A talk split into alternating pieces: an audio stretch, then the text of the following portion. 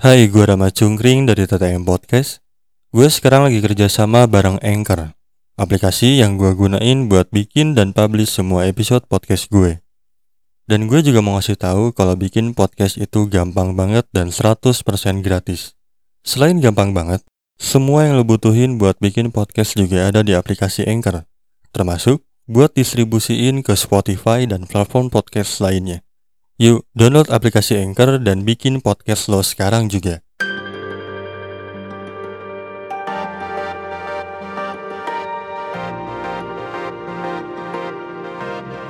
TTM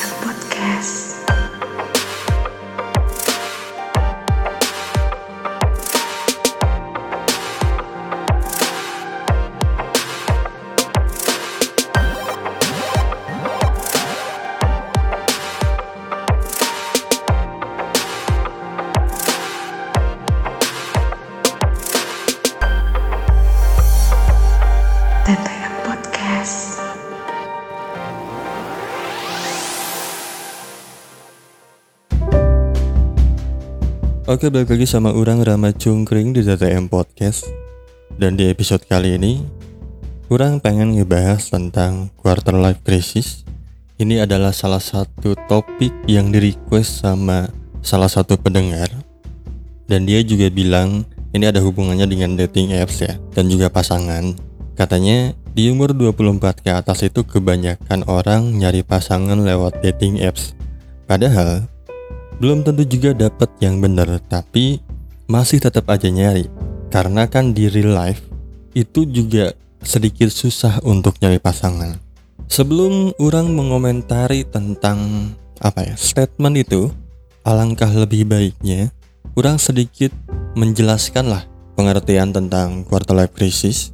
Kalau orang baca di salah satu artikel katanya quarter life crisis itu periode saat usia eh, seseorang berusia 18 sampai 30 tahun merasa tidak memiliki arah, khawatir, bingung, dan galau akan ketidakpastian kehidupannya di masa mendatang. Umumnya, kekhawatiran ini meliputi masalah relasi, percintaan, karir, dan kehidupan sosial. Dan orang pengen ngebahas masalah percintaan ya untuk kasus ini. Penyebabnya mengalami masalah pekerjaan atau finansial, merencanakan karir dan masa depan, menjalani hidup mandiri untuk pertama kalinya, dan sebagainya. Tanda-tandanya sering merasa bingung mengenai masa depan, merasa terjebak dalam situasi yang tidak disukai, sulit membuat keputusan ketika dihadapkan dengan beberapa pilihan, merasa iri dengan teman sebaya yang sudah lebih dulu mencapai impiannya.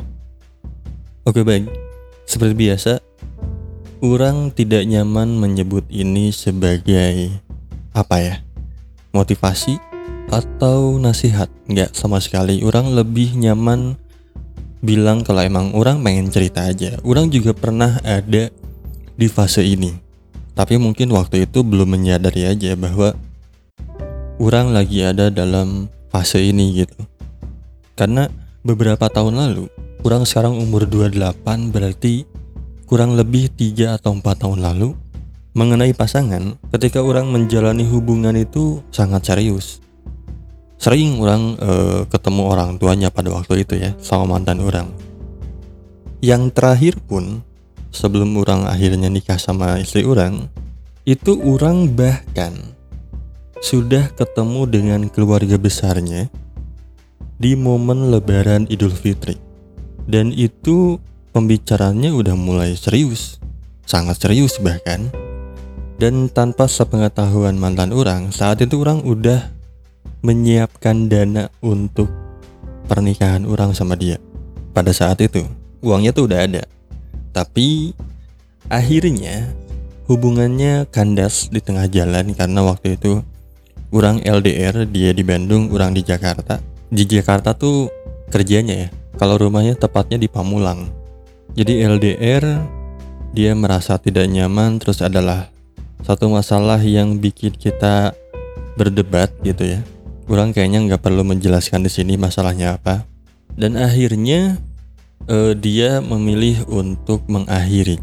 Bukan orang yang memilih untuk mengakhiri. Dan di situ orang ngerasa anjir kok gini ya gitu. Maksudnya karena di tahun sebelumnya orang mengalami hal yang sama ketika orang LDR, orang lagi berjuang di Bandung dan mantan orang sebelumnya itu di Tasik, orang e, diputusin dengan apa ya? Dengan cara yang sama dengan alasan yang sama.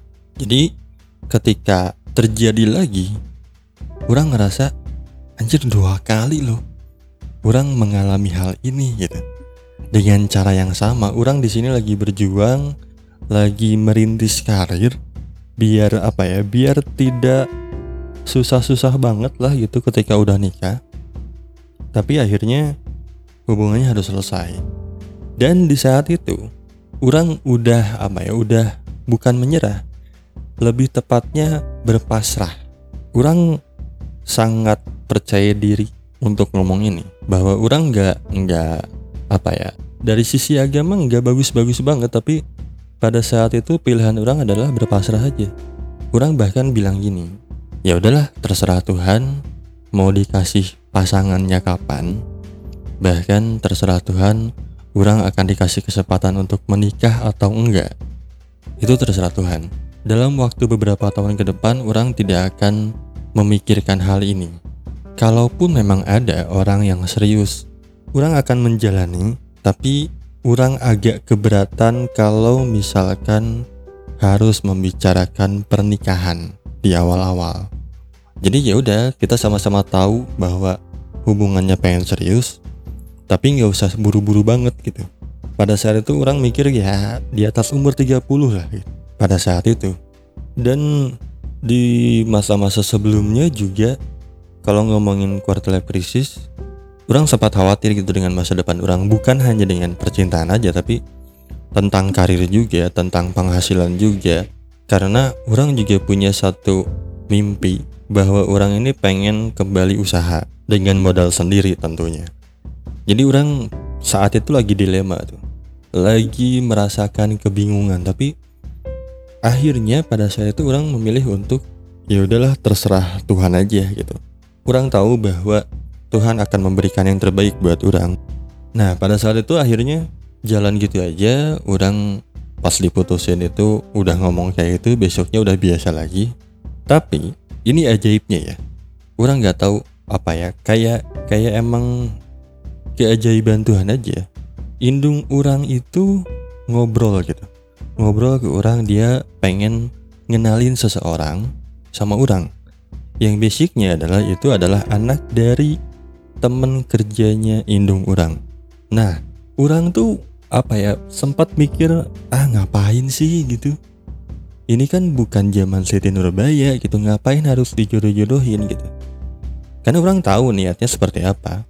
Tapi orang di saat itu juga orang menolak karena pemikiran yang tadi. Cuman beberapa hari dari situ orang lupa entah seminggu atau dua minggu orang itu ada janji ketemu sama guru teater orang pelatih teater orang waktu masih sekolah ya waktu eskul di sekolah SMA di Bandung. Dia lagi ke Jakarta. Akhirnya orang janjian sama beliau namanya Dede orang biasa manggil ADD nah orang akhirnya ketemu sama ADD orang ketemu sama dia itu emang cuman pengen ketemu aja sebenarnya. Udah lama gak ketemu. Sekalian. Sebetulnya pengen ngeprospek ke kerjaan orang. Karena waktu itu orang kan kerja sebagai marketing.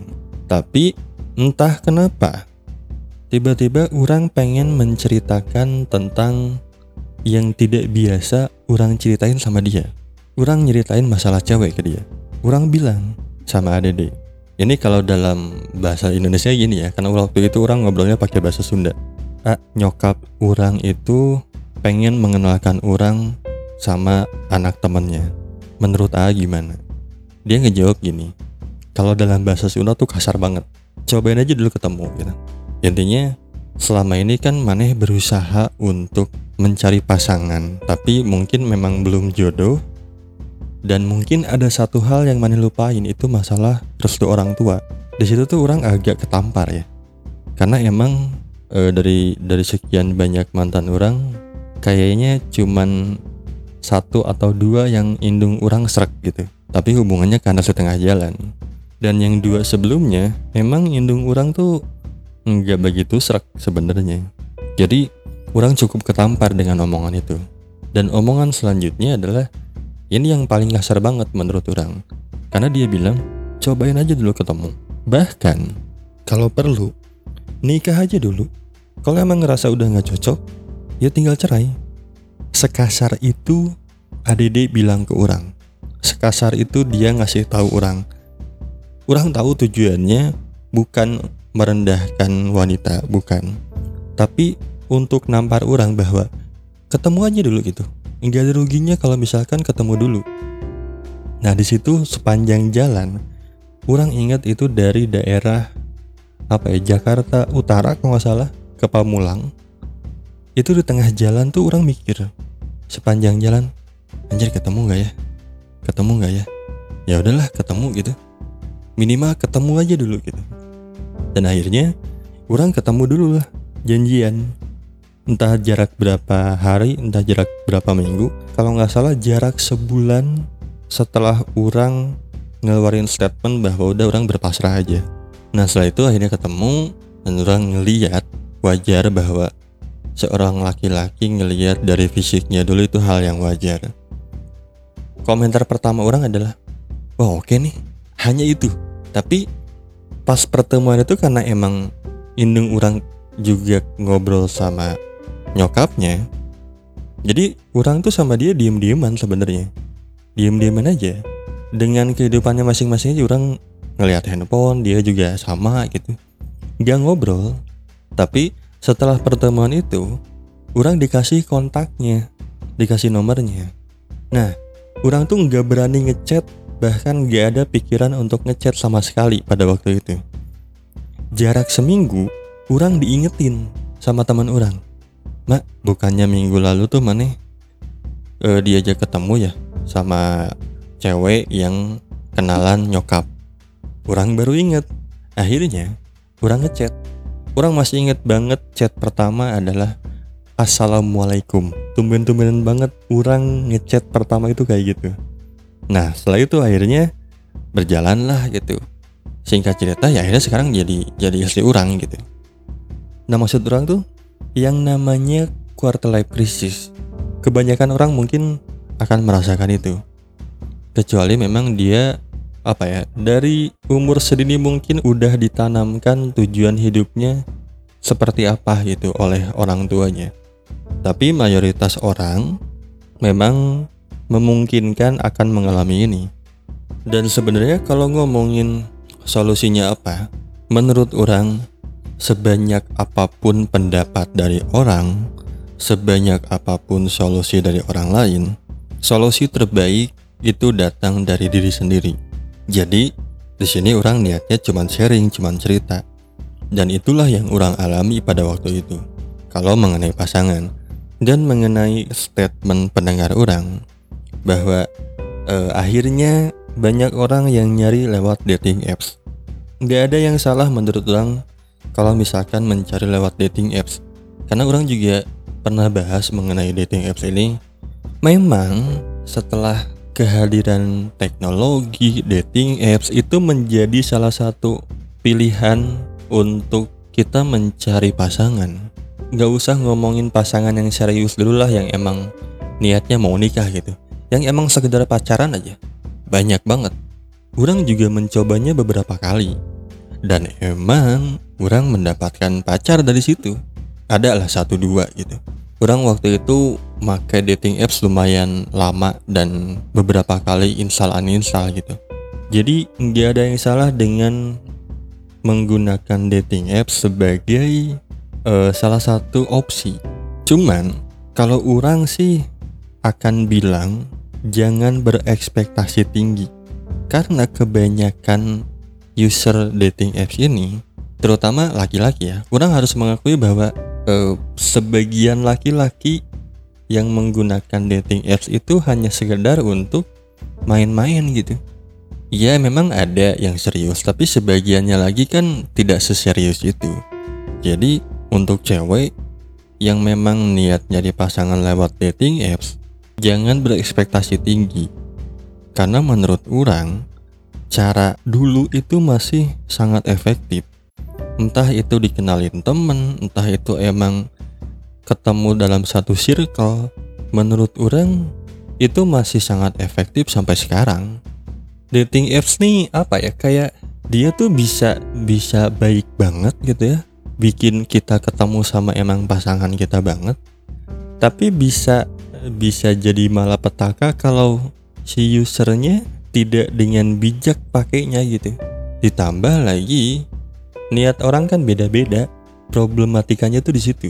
Niat orang download dating apps itu nggak selalu sama. Ada yang cuman pengen seru-seruan doang pengen nyari temen doang bahkan cuman temen buat ngopi doang gitu. Jadi bukan penentu lah. Dan mengenai quarter life crisis terutama tentang pasangan. Baik cewek ataupun cowok kalau misalkan ada yang berpikir ada yang kayak iri gitu ya ngelihat orang lain udah punya pasangan bahkan udah nikah orang harus bilang ini sih bahwa menikah ini tuh bukan masalah balap-balapan bukan masalah dulu-duluan punya anak juga sama bukan masalah dulu-duluan nikah tuh apa ya sekolah paling panjang sekolah paling lama karena bisa dibilang seumur hidup untuk orang yang sekali menikah dalam hidupnya. Nikah tuh sekali seumur hidup dan bisa dibilang sekolah paling panjang. Kalau misalkan sekolah itu ujiannya paling cepet lah ya anggap. Ada yang seminggu sekali ujian biasa atau misalkan uas per satu semester. Nikah tuh bisa dibilang tiap hari itu ujian. Tiap hari itu ujian. Orang bilang kayak gini bukan uh, menandakan bahwa orang menyesal di umur 28 ini orang udah menikah enggak tapi akhirnya orang banyak belajar tuh bener itu untuk merendahkan ego bahkan menjatuhkan ego orang-orang seperti orang yang emang egonya tinggi itu sulit banget ketika udah nikah. Sulit banget.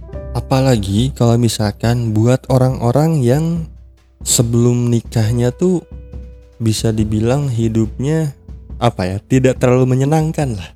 Terlalu fokus kuliah segala macam nggak ada happy happynya gitu nggak ada senang senangnya tidak bersenang senang dulu gitu. Untuk orang-orang kayak gitu orang cukup yakin sebagian dari mereka akan merasa terpenjara setelah menikah. Jadi buat orang sih nggak usah buru-buru nikah. Bahkan ketika sekarang kalian udah punya pasangan ngerintis aja dulu gitu. Tapi maksudnya jangan ngerintis bareng tuh apa ya sampai ada e, beli barang barengan segala macam. Ya itu pilihan sebenarnya tapi komitmennya harus dijaga gitu karena banyak kasus ketika misalkan ya udah yuk nyicil ini barengan tiba-tiba putus tuh jadi masalah. Hati-hati juga gitu. Kalau buat orang sih buat kalian yang sekarang belum nikah nikmati aja dulu. Nggak usah fokus ke sana. Kejar dulu aja apa yang kalian mau gitu. Salah satu yang orang masih pengen lakukan tapi karena sudah menikah akhirnya orang harus menjatuhkan ego adalah masalah traveling. Orang pengen banget kayak misalkan minggu sekarang ada di Bandung, minggu depan pergi ke Jogja, terus bener-bener keliling aja gitu ke tempat-tempat yang emang orang pengen kunjungin. Baru balik misalkan setelah tiga bulan, empat bulan baru pulang. Pengen banget kayak gitu. Tapi untuk sekarang itu sangat tidak memungkinkan karena orang punya tanggung jawab lebih sekarang gitu sebagai seorang suami jadi ya orang nggak mungkin melakukan itu kecuali kalau misalkan orangnya sudah cukup settle istri orangnya juga bisa diajak karena orang udah nikah sekarang gitu ya. Jadi nggak bisa bener-bener sendiri. Terus anak orangnya juga udah bisa ditinggal-tinggal udah sekolah. Mungkin orang akan melakukan itu. Orang sama istri orang traveling tiga bulan gitu ke beberapa kota cuman emang buat traveling doang.